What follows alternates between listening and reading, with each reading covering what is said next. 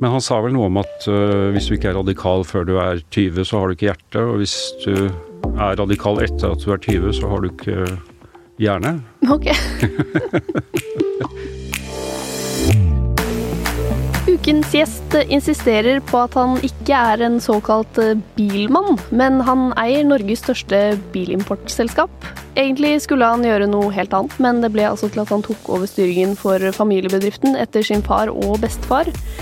Velkommen til Voksenpoeng med meg, journalist Nora Rydne i E24.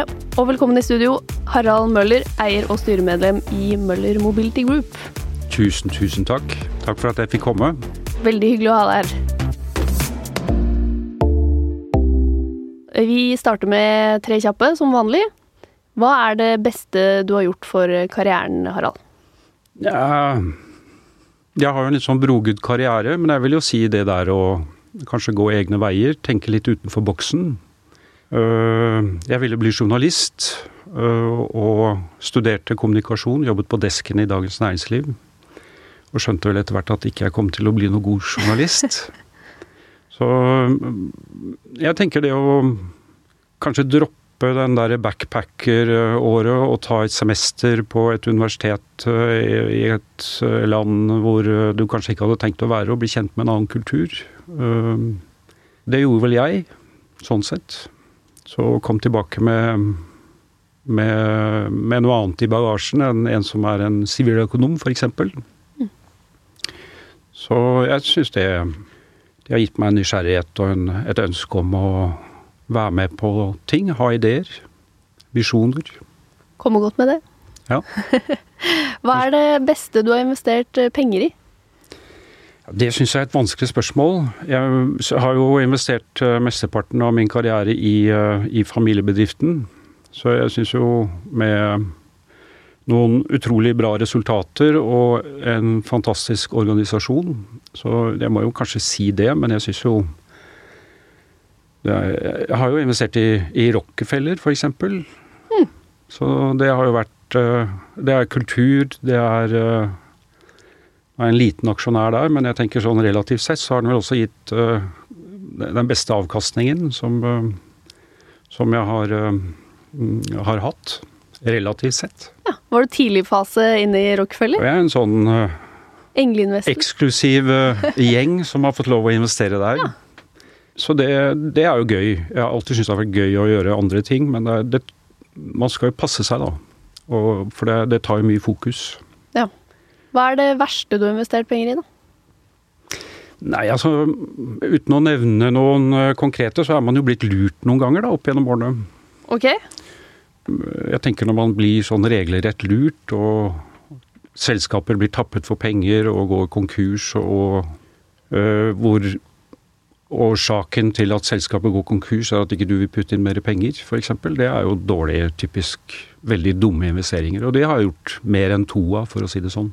Eh, det er jo interessert i å høre mer om. Det skal vi vel kanskje tilbake til i tabbespalta, eller? Ja, som sagt, jeg har ikke så lyst til å nevne navn. Men vi har jo, vi har jo Altså, når man investerer, så går man jo på, på trynet noen ganger. Det gjør man. Du nevnte jo at du har gjort litt uh, andre ting. Du har også da vokst opp uh, i en uh, bilfamilie. Din bestefar og far var bilmenn. De var bilmenn. Ja. Men så tenkte ikke du at du skulle bli bilmann? Nei, jeg søkte vel litt ut av det. Jeg tenkte at man Det er jo problematisk å vokse opp Det er noe rart med det å være arving. Bilarvingen. uh, så jeg søkte meg vel bort fra det. Jeg, hadde, jeg var ganske radikal i mine yngre dager. Ja, jeg så at du var ML-er til og med. Nei, jeg Eller, var ikke ML-er, men jeg gikk i 1. mai-tog. Ja. Å ja, og, det, og da. I næringslivet så er det nesten det samme som å være ML-er? Det er det nok. Nei, jeg var ingen aktiv AKP-ML-er.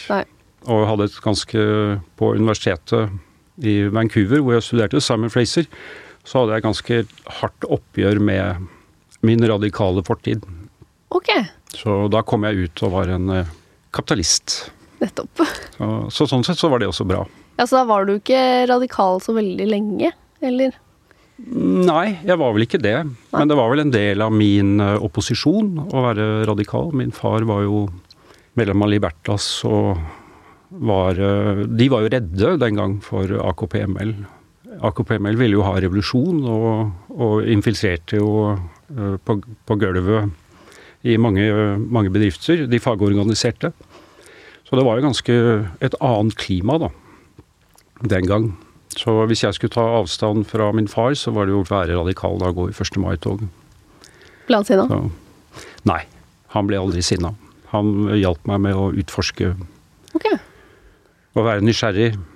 Han var rett og slett smartere enn deg? Han skjønte at hvis han ble sinna, så gjorde han akkurat det du hadde lyst til? Det tror jeg nok er riktig. Han har alltid vært klok. Så. Var det irriterende for en ung eh, mann som prøvde å Nei, det betød vel at jeg måtte gå enda lenger, da. jeg holdt på lenger. Men han sa vel noe om at uh, hvis du ikke er radikal før du er 20, så har du ikke hjerte. Og hvis du er radikal etter at du er 20, så har du ikke hjerne. Ok. så han var vel litt uh, sarkastisk, da. Ja, nettopp. Han uh, himlet litt med øynene når du ikke så på, kanskje. Ja, det tror jeg. Men hva kom denne motstanden av, da? Var det liksom at du syntes det var slitsomt å være arving, eller? Ja, jeg syns jo det. Jeg er jo liksom født med et sånt merkenavn. Så, og jeg ender jo veldig opp med å diskutere bil og, og sånn. Det går noen sekunder, og så sitter man og snakker om bil.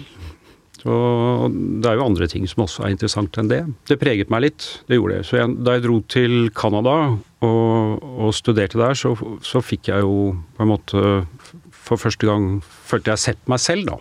I den forstand at jeg er ikke den rike bilarvingen som heter eh, Harald Møller. Mm. Men, eh, og det var veldig bra. Så jeg, har, jeg er sterkt knyttet til Vancouver. Ja.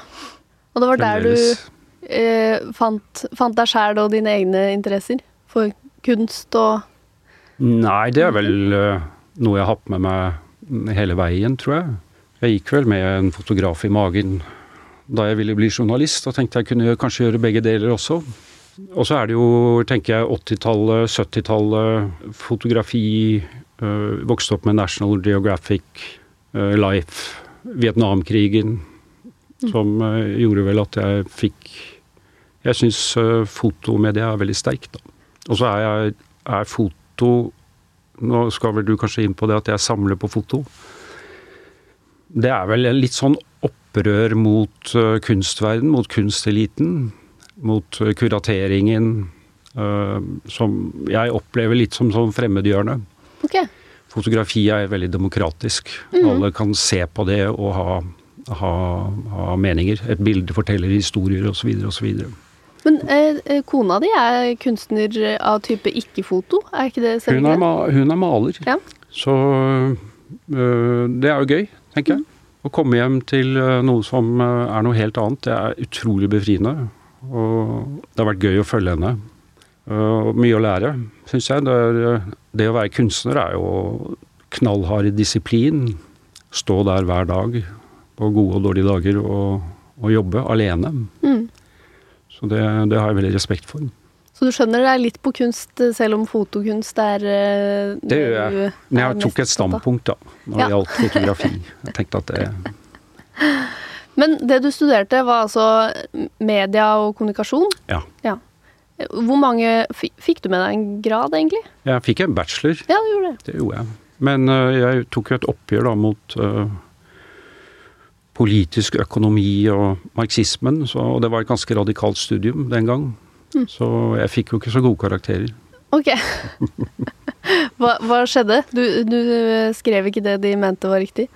Nei, altså de bygger jo Jeg syns jo marxister og, og, radikale bygger jo ofte mye av det de tror på, øh, på en eller annen sånn konspirasjon av kapitalistisk konspirasjon, og det er jeg jo. Jeg er jo kapitalist, og jeg vet jo at det ikke er noe konspirasjon eh, bak eh, kapitalismen.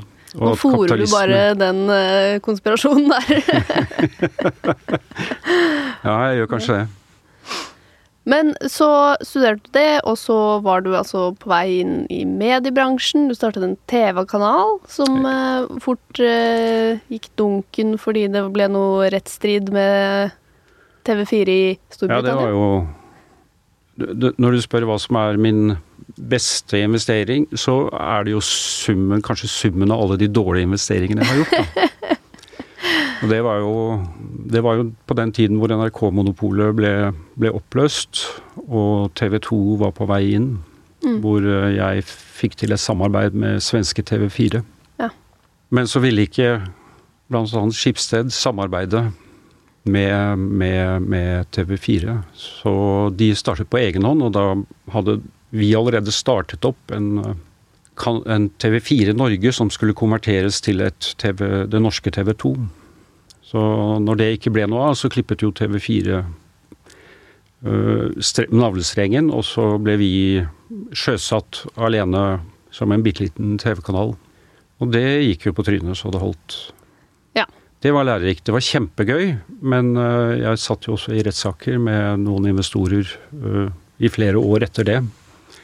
Og fikk vel mye av skylda for uh, at det ble slått konkurs. Ja, Var det din feil, da? Nei, det var jo Jeg vant jo den rettssaken, da. Ja, for det var en rettssak om De ville ha Jeg solgte kanalen til dem for 100 kroner, og de ville ha Hvor mye var det? 25 millioner i De hadde ikke tapt et øre.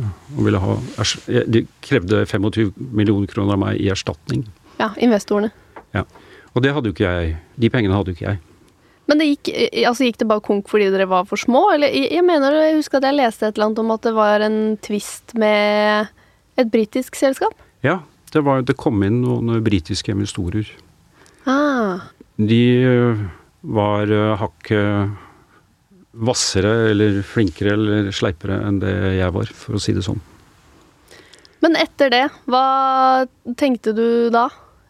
Eh, at nå, greit, da legger jeg på lokket som eh, selvstendig eh, investor og går inn i familiebedriften, eller? Nei, jeg gjorde ikke det.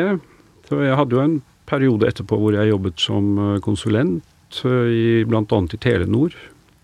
Hm. og så jobbet jeg i mediebransjen som medierådgiver. Da var det jo manko på reklame-TV-forståelse. Og det hadde jo jeg fått en del av.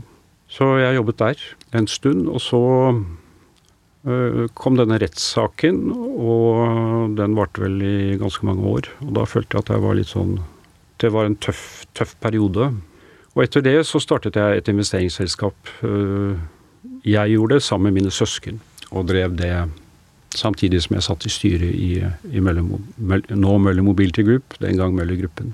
Ja. Så hvordan var på en måte veien inn i eh, Møller-gruppen, som du på en måte hadde vært litt i opposisjon til en stund? Ja, det begynte vel med at jeg kom inn i styret veldig tidlig. Så, og kjente vel at uh, du er privilegert, og du må på en måte ta noe av det ansvaret. Så jeg kom inn i styret veldig tidlig, rett etter studietiden. Så jeg vet ikke om far var, uh, hadde en agenda, men jeg, jeg følte iallfall at jeg ble mer og mer en del av det. Men da han spurte om jeg ville bli styreleder, så sa jeg jo tvert nei. At det, det var ikke den veien jeg hadde tenkt å gå. Så jeg brukte et år på det, da. Ja. Hvor jeg tenkte Det er litt sånn legacy her. Du er tredje generasjon. Hvis du ikke involverer deg, og det går dårlig, så blir jo det også en del av historien, da. Så du har liksom kanskje ikke så mye valg, da. Ja, Så du, du brukte et år på å tenke på det? Ja. Og da var det vel litt å komme med noen nye ideer. Tenke Bringe inn noe nytt. Og det var vel da jeg begynte å definere min egen rolle, da. Som var veldig annerledes fra min far, som jo har aldri jobbet noe annet sted enn i bedriften. Hva var det første du tenkte på en måte da du hadde denne samtalen med faren din om at han ville du skulle bli styreleder? Nei, jeg ville bli journalist og hadde en bakgrunn fra media. Og jeg hadde ikke tenkt meg det i det hele tatt, så det var en, eh, en, fullstendig overraskelse. Men faren din tenkte at dette skulle du få til? Ja, han gjorde vel det. Men eh, hvorfor landet du på å si ja? Jeg tenkte at hvis det ikke går bra, og du ikke har gjort ditt beste, så er det verre enn hvis du gjør ditt aller beste og forsøker å være den beste eieren. Så da, jo, da, da kommer jo det ganske fort. Du, men det tok litt tid å komme til den konklusjonen. Da skulle du altså eh, heller prøve å gjøre det bra i eh, din egen familiebedrift enn å la det synke med noen andre som eh, Ja, da er det jo å snu seg og legge alle eggene i en ny kurv, tenker Ja. jeg. Det, jeg tenkte at øh, god eier, familiebedrift, tredje generasjon, det, det er, det, da er det å, å gi alt du har. Så det, det, det var det. Men følte du, følte du deg klar? Nei. Nei. Det tror jeg ikke man gjør på en, med en sånn jobb som det der. Og det er mye usikkert. øh, Altså Bilbransjen er en veldig sånn syklisk bransje hvor det, du er avhengig av veldig mye for at det skal gå bra. Øh, Bare altså generelt, altså norsk økonomi, hvis, øh, hvis det går dårlig, så går det dårlig i bilbransjen. Mm. Øh, Og så er du avhengig av fabrikkene som leverer gode, gode biler, gode modeller. Og så er du kanskje det som jeg er mest opptatt av, da, du er avhengig av dyktig leder og en, en, en, en god organisasjon. Og det er vel der jeg fant liksom Der hvor hjertet mitt øh, endte opp, var jo med, med menneskene og, og den flotte organisasjonen. Og det ga meg masse energi. Men hadde du fått med deg noe, noe ledererfaring? Ja, litt, men ikke veldig mye. Jeg vil ikke si at jeg øh, Jeg har en sånn mistanke om at du sitter og intervjuer meg her fordi jeg har vært leder, men jeg har jo aldri vært leder. Jeg har vært styreleder. Ja. Øh, Jeg har jobbet sammen med veldig mange dyktige ledere som øh, har gitt meg veldig mye, og som også har vært gode rådgivere. Men det er jo de som er lederne. Jeg har vært eier og forsøkt å definere min rolle som eier. Så jeg øh, har ikke noe stor ledererfaring, men jeg er opptatt av godt lederskap. Og jeg har vel en mistanke om at jeg kan identifisere en god leder. Og kanskje også være, med, være litt mentor for dem. Det, var, det er sånn jeg tenker at min karriere har vært styrt opp gjennom årene. er at jeg har, øh, jeg har fått jobbe med mange dyktige folk. Og mange av de har vært øh, også veldig dyktige ledere som har dyttet på meg når det har vært nødvendig. Og det, det har det vært noen ganger. Vi har jo altså denne tabbespalten, eh, Harald. Eh, Den største Nei, vi har ikke vært igjennom det, vet du. Den største har det ikke vært noen tabber her nå? Nei, det syns jeg ikke. Nei, Man lærer jo av tabber. det gjør man. Ja. Så eh, den største tabben i karrieren, har du en, eh, har du en der? Det må jo være å ha, investere i, i dumme ting, som jeg har vært innpå. Jeg, kanskje det at jeg trodde jeg skulle bli journalist. Jeg vet ikke om det var, var en tabbe. Jeg husker jeg satt på desken i Dagens Næringsliv, og Jan Erik Narbakk ba meg om å skrive noe, og jeg fikk en halvtime på meg. Og det var vel da jeg skjønte at ikke jeg skulle bli journalist, etter at han skrev om alt på, i løpet av ti minutter. Og, og jeg, når jeg skriver, så bruker jeg ofte veldig lang tid. Jeg liker å sitte og file på, på setningene. Ja, da er ikke journalistyrket ikke journalistyrket- noe for deg, nei. Nei. Det kan jeg nok eh, skrive noe på. Ja. Ja, for du, Den erfaringen du hadde fra før, den kom godt med når du først gikk inn i familiebedriften? Ja, Det er ikke sånn at du skulle ønske at du gikk inn tidligere? Nei, absolutt ikke.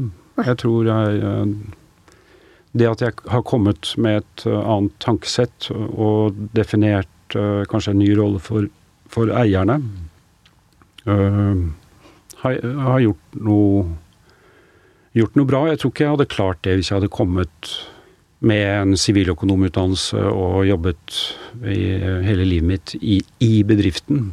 Da blir det på en måte det og, og jeg opplevde jo det nå da jeg gikk av, at jeg var i ferd med å begynne å forsvare hvorfor ting var så mye bedre før. oh, ja. Så det, det er farlig. Sånn at du går litt sånn i forsvarsposisjon og, og ikke er åpen for omstilling og se nye veier da, for bedriften, for dine virksomheter. Det, det er farlig. Så jeg, tenkte, jeg så meg selv, Hvis jeg skulle fortsatt, så så jeg meg selv som en som uh, ville snakke høyere og høyere om hvordan ting var før, og etter hvert også da med utestemme. Mm. Så da tenkte jeg de siste ti årene av, av min, mitt yrkesaktive liv øh, har jeg tenkt å gjøre noe annet enn å gjøre det. Så nå er du tilbake i, eh, bare som vanlig styremedlem. Ja, men vi sitter jo i Vi har jo etablert et, et Nå heter vel det på godt norsk Family Office, som heter Års. Hvor vi på en måte har samlet eierskapet, da. Og, og, et, og en ny generasjon er nå i gang og, og, gjør ting på en annen måte. Og det tror jeg også er innmari viktig. At det inn at neste generasjon kommer inn med, med nye ideer om hvordan eierskapet skal føres videre. Men da du kom inn, det, opplevde du at det var eh, den tankegangen du var redd for å få, som eh, regjerte hos din far, da? Nei, altså vi, vi var jo veldig det var eh, Jeg snakket jo litt om uh, verktøykassen til private equity-selskaper. Aktivt eierskap. Jeg snakket om beste eier. Hvis man ikke er det, skal man gå på børs og sånne ting. Det var jo fy-ord oh, ja. den gang. Så det var jo det å løfte takhøyden, da. Og forsøke på en måte å gjøre eierskapet mer tidsriktig. Som, som jeg følte at jeg var kunne ta meg inn, da. Mm. Hva var det du gjorde da, da du kom inn, som, som, var annerledes? For dere gikk jo ikke på børs? Nei, men jeg sa vel det den gang, at uh, vi må At det bør liksom være en plan B. Og nå tror jeg jo ikke at det er, det er uh, mulig, fordi vi sitter på et uh, agentur, og det er fabrikken som på en måte fabrikkene som vi har hatt importavtale med, som på en måte er med og bestemmer om vi skal på børs eller ikke. Men eh, det å alltid ha en plan B, det tenker jeg det, det er viktig. Så det kan jo være at halvparten av eierne vil selge, f.eks. Da, hva gjør man da? Da må man ha en plan B. Og, nei, hva er det jeg har vært med altså Jeg har vært med på å bidra til eh, en takhøyde som også kanskje gjør at uh, vi nå ser litt forbi bil og Vi må tenke litt to tanker samtidig. Vi har altså Det å drive med bil er jo å også reparere biler. Og biler blir jo mer enn ti år gamle, så du kan si vi har en sånn bilpark, da. Som, eh, og det er brukte biler som omsettes. Det er vel 450 000 brukte biler som omsettes i Norge i året. Så vi er jo også en del av det, men så skal vi også tenke nytt og fremover. Og da er det jo mobilitet, og da ble det jo Møller Mobility Group. Ja. Da ble det Hyre, uh, som er en bildelingsplattform. Uh, og så tenker vi videre. Vi tenker byer, vi tenker uh, Nå sitter jeg som styreleder i Møller Eiendom, så, og vi har tatt inn begrepet mobilitet i, våre, i vår strategi. Jeg syns det er kjempespennende å se hva, hva, som skjer med byene våre. Men vi må også tenke på de som bor på Hamar, og de som bor i Finnmark, jeg tror bil er en del av løsningen også fremover. Men så er vi jo stolte av å kunne selge flest elektriske biler da, i, i, Norge og være med på elektrifiseringen. Så det, jeg tror uten Norge så tror jeg f.eks. ikke at Volkswagen hadde satset. De satser jo alt nå på å bli helelektriske. Så jeg tror ikke de hadde gjort det hvis ikke vi hadde gjort en såpass god jobb for dem i, i Norge. Eh, det kom jo inn med disse nye ideene i Møller, og så ble det bråk. Det må vi jo også prate litt om, fordi dere har eh, Din familie har jo vært på et uh, universitet som jeg syns høres veldig interessant ut. Et universitet i Sveits. IMD, med, ja. Ja, IMD. Mm. Som har et eget program for familiebedrifter. Ja. Og så vidt jeg har skjønt, så er det for å hjelpe familiebedrifter å ikke gå til helvete når andre og tredje og fjerde generasjon skal ta over. For Man sier vel det om familiebedrifter at det er litt som imperier? At de pleier ikke å overleve lenger enn tredje generasjon? Nei, det er nok uh, riktig, tenker jeg. Men jeg tror at uh, familiebedrifter kan uh, Jeg tror de kan overleve hvis de hver generasjon får komme med sin, sine verktøy og sine, sine, sine løsninger. Så tror jeg det kan. Men hvis du går Hvis du tenker en altså det, det, er mange grunner til at en, en familiebedrift går over ende etter tre generasjoner, og det er jo at en, en, eh, en, forretningsidé går gjerne ut på dato etter 50 år. Så hvis ikke du klarer å fornye den så, så, Og det er jo ofte Det er jo igjen at gründeren er geniforklart, og andre generasjon uh, har klart å, å, bygge dette opp til å bli et stort selskap. Det betyr jo ikke at uh, tredje generasjon nødvendigvis er, eh, er geniale. Mm. Så, og det å, å innse det, og, og kanskje istedenfor å satse på eget ego, og, og satse på dyktige ledere og, og, dyktige folk rundt seg, det, det tror jeg jo er nøkkelen til, til, det. Men så er det jo familien. Det er mye følelser. Og så blir det jo så mange etter hvert. Og så blir det så mange. Du kan jo si at uh, tredje generasjon, da er det jo fettere som, uh, og kusiner som på en måte skal sette seg ned og samarbeide. Det er, det er vel ofte Og da er det mye følelser. De har jo vokst opp uh, på, i samme fam, familiebedrift, men på forskjellige måter. Kanskje noe misunnelse, kanskje ja, Historien er blitt annerledes. Og så skal man plutselig møtes og, og skape et, en tredjegenerasjons plattform, da. Og så er det jo ideer da på hvordan det skal gjøres, og da hadde vel jeg, eh, hvis du vil tilbake til denne konflikten, så hadde vel jeg da, som vi var inne på tidligere, ideer om aktivt eierskap, og da, trodde, da var jeg overbevist om at skal du være aktiv eier, så må du iallfall innta styrelederstolen. Det er det minste. Uh, å være til stede og være, være, være nysgjerrig, engasjert, stolt. Du må liksom inn med hele deg.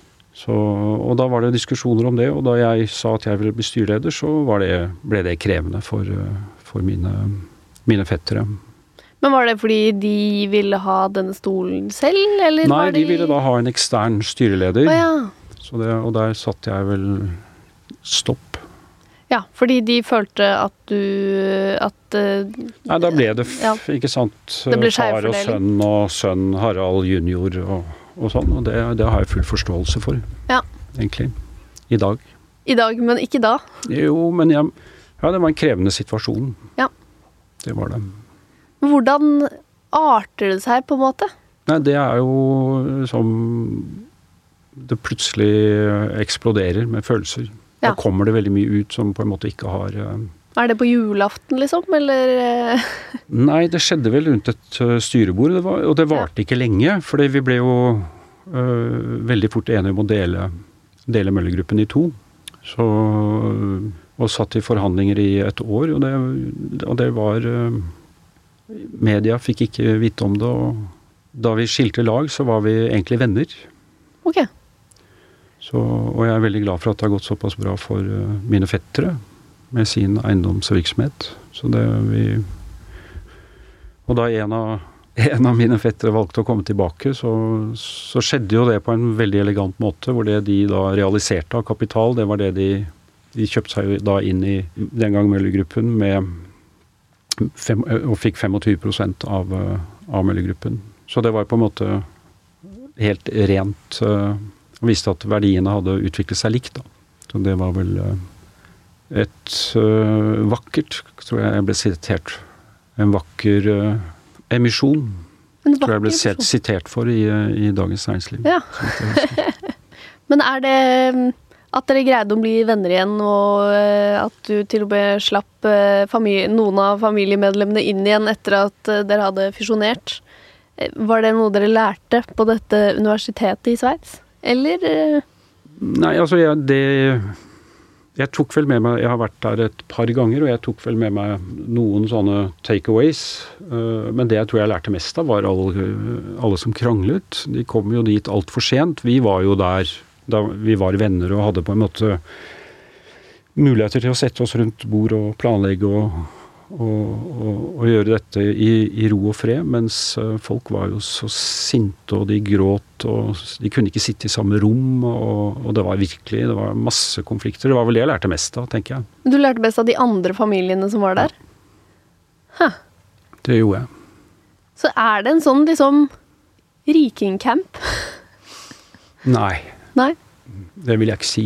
Det er, det er noen av de, og så er det noe det er mye sterke, gamle, gråhårede menn som har fått lov å sette, sette regler. Nepotisme.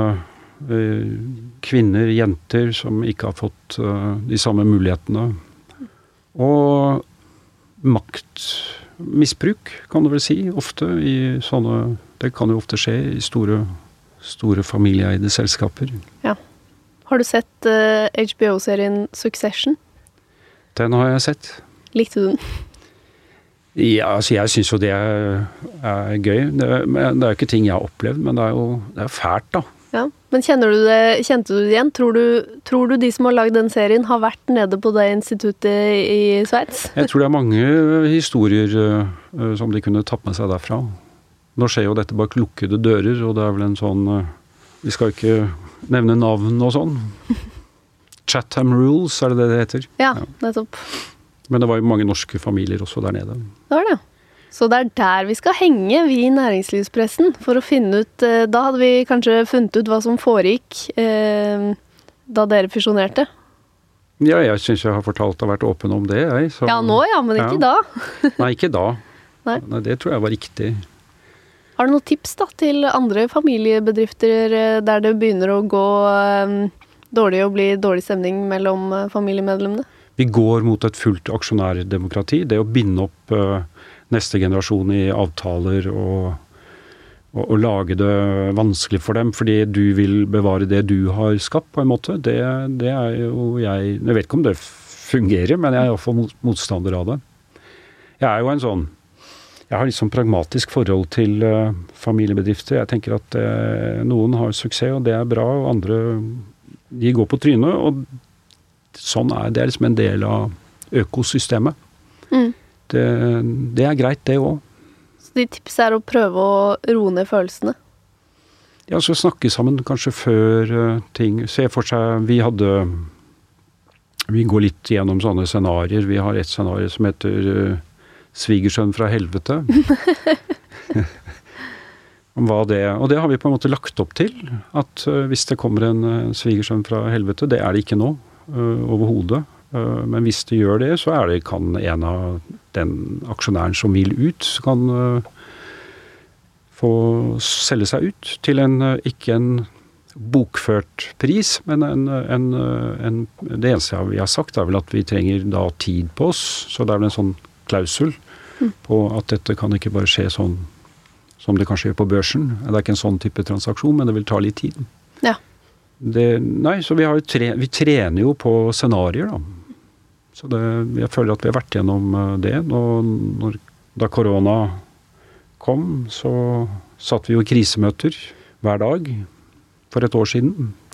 Og igjen så føler jeg at vi har jo trent Det var ingen som kunne forutse denne pandemien, men at vi har liksom trent på en, en krise, da. Det, det, opplevde jeg den gang, også nå, som, som veldig betryggende. Det, mm. var, det gikk ikke så lang tid før vi følte at vi hadde kontroll på vår virksomhet. Men når en sånn krise kommer, da, og dere ikke helt visste hva som skulle skje, og du sitter som tredje generasjon, eh, og selskapet er på vei inn i fjerde generasjon, hva, hva, føler man da? Er man ekstra redd for at det skal gå til helvete når man har så personlig forhold til selskapet? Eller er du såpass pragmatisk at du tenker på det som hvilken som helst næringslivsleder? Nei, det gjør jeg ikke, for du er jo glad i menneskene. Vi, vi Det ble jo permitteringer hos oss også. Det, vi har ja, et familieselskaper så har man mye nærmere kontakt med, med medarbeiderne enn, enn, man kanskje har i et børsnotert uh, selskap som, som, eier. Så når man er iallfall sånn som jeg har fungert, så har det jo vært uh, å være i kontakt med, snakke med ansatte, være interessert i Og etter hvert også stolte av dem. Så det, det, er klart at når de da må ut i permisjon, så føler du det ekstra sterkt. Det, det gjør du. Og da er vel vi også kanskje flinkere til å betale en koronabonus til, eh, til alle, som vi gjorde. Mm. Som jeg tror ble veldig godt, eh, eller jeg vet ble veldig godt mottatt. For det har jo vært et vanskelig år. Det er jo mange som er der ute i frontlinjen og kjemper hver dag. Mens vi sitter i fine hus på hjemmekontor og har det egentlig ganske bra. Mm.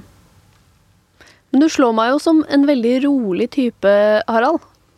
Får du, får du liksom Du får ikke panikk? Jo, jeg, får, jeg fikk jo panikk i 2008, finanskrisen. Ja. Da var jo vi mye dårligere stilt. Så det Og da hadde du nesten akkurat tatt over? Jeg hadde jo hatt noen år, men jeg jobbet jo da med Det var en av de, mine store prosjekter var da å, å gå fra å være toppfinansiert At bankene ga lån til mor, og mor ga lån videre ned i systemet. Til at vi skulle bli ikke underfinansiert, men finansiert gjennom via datterselskapene våre. Så det var et prosjekt som jeg var veldig opptatt av, fordi jeg følte at vi var veldig sårbare. Men det var ganske stor motstand rundt det, så det er ikke så lett å Jeg vet, jeg vet mye om å forsøke å toppstyre, altså tre ideer nedover uh, i systemet. Det er krevende fra toppen. Så en eier har jo ikke sånn Vi sitter jo ikke og bestemmer hvordan ting skal se ut. Du må jo ha med deg folk. Så um, i 2008 så var vi toppfinansiert, og da, det, da, skjedde jo Krisen slo jo inn litt tidligere i Europa enn eh, enn uh, hos oss, og det ble avbestilling av biler på fabrikkene. Og da kom det I mine drømmer da, da jeg våknet om natten, så så jeg et, uh, en rad av sånne bilskip nedover Drøbaksundet. Med biler på vei til, til Oslo havn. Og de bilene er det jo jeg som skulle finansiere. Og det, vi gikk jo da i brudd med, med, med banken, altså sånne såkalte covenants. Og vi tok kontakt med banken og fikk ikke noe svar. Det var i desember 2008. Og da husker jeg jeg var på vei opp til Det var vel et krisemøte uh, i desember, slutten av desember, til uh, hovedkontoret til Møller. Og så så jeg meg selv i speilet, og så så jeg at jeg var uh, herjet av panikk. Så jeg meg selv i speilet, og da tenkte jeg det er ikke smart av en eier å dra opp der nå og se ut sånn som jeg gjør. Hvordan ser du ut eh, når du er herjet av panikk? Nei, det er jo da, Det er søvnløse netter og, og Ja, litt sånn sliten og litt øh, høylytt, tenker jeg. Nå må dere gjøre sånn og sånn. Mm. Så da er det om Irrasjonell, kanskje. Okay. Man er, blir litt irrasjonell når man får, får uh, panikk. Så, og det var en situasjon som jeg ikke ville inn i igjen, og da kom jo denne refinansieringen i gang. Ja. Og, det, og, det, har jo utløst mye etter det. Så beroliget alle da jeg satt i disse møtene på Teams for første gang. Mm I, I, fjor og sa at jeg føler meg mye roligere. Ja. Det, og det jeg tror en eier må jo da på en måte I en sånn krise så tror jeg det er innmari viktig å kunne utvise den roen, da. Og det lærte det du i 20, 2008? Ja, jeg lærte iallfall at en sånn situasjon Hvis jeg skal være en god eier, så kan ikke jeg være i en sånn uh, Bli satt i en sånn situasjon. Og da kommer jo dette med risiko uh, også mye tydeligere frem. Da. Det, hvordan, hvem, hvem, som eier risikoen, ikke minst. Så, og det med å sove godt om natten, mm. sånne ting, det, det, har jeg brukt etterpå. Det har, vært, det har vel noen hørt rundt meg. Helt eh, til slutt, eh, Harald. Hvis du kunne reist tilbake i tid og gitt 20 eh, år gamle deg selv et råd, hva ville det vært? Ja, Det med å gjøre ting med hjertet. Tro på deg selv. Jeg, jeg tenker også det der å finne, finne din leder, din, din mentor. Jeg ville kanskje vært Jeg syns jeg har vært heldig som har, da jeg var ung, traff mange som trodde på meg. Eh, men jeg tror jeg hadde jobbet med det litt aktivt. Eh, jeg hadde sagt at jeg ville tatt kontakt med en du liker. Eh, en du syns høres ut som en spennende har noe å gi.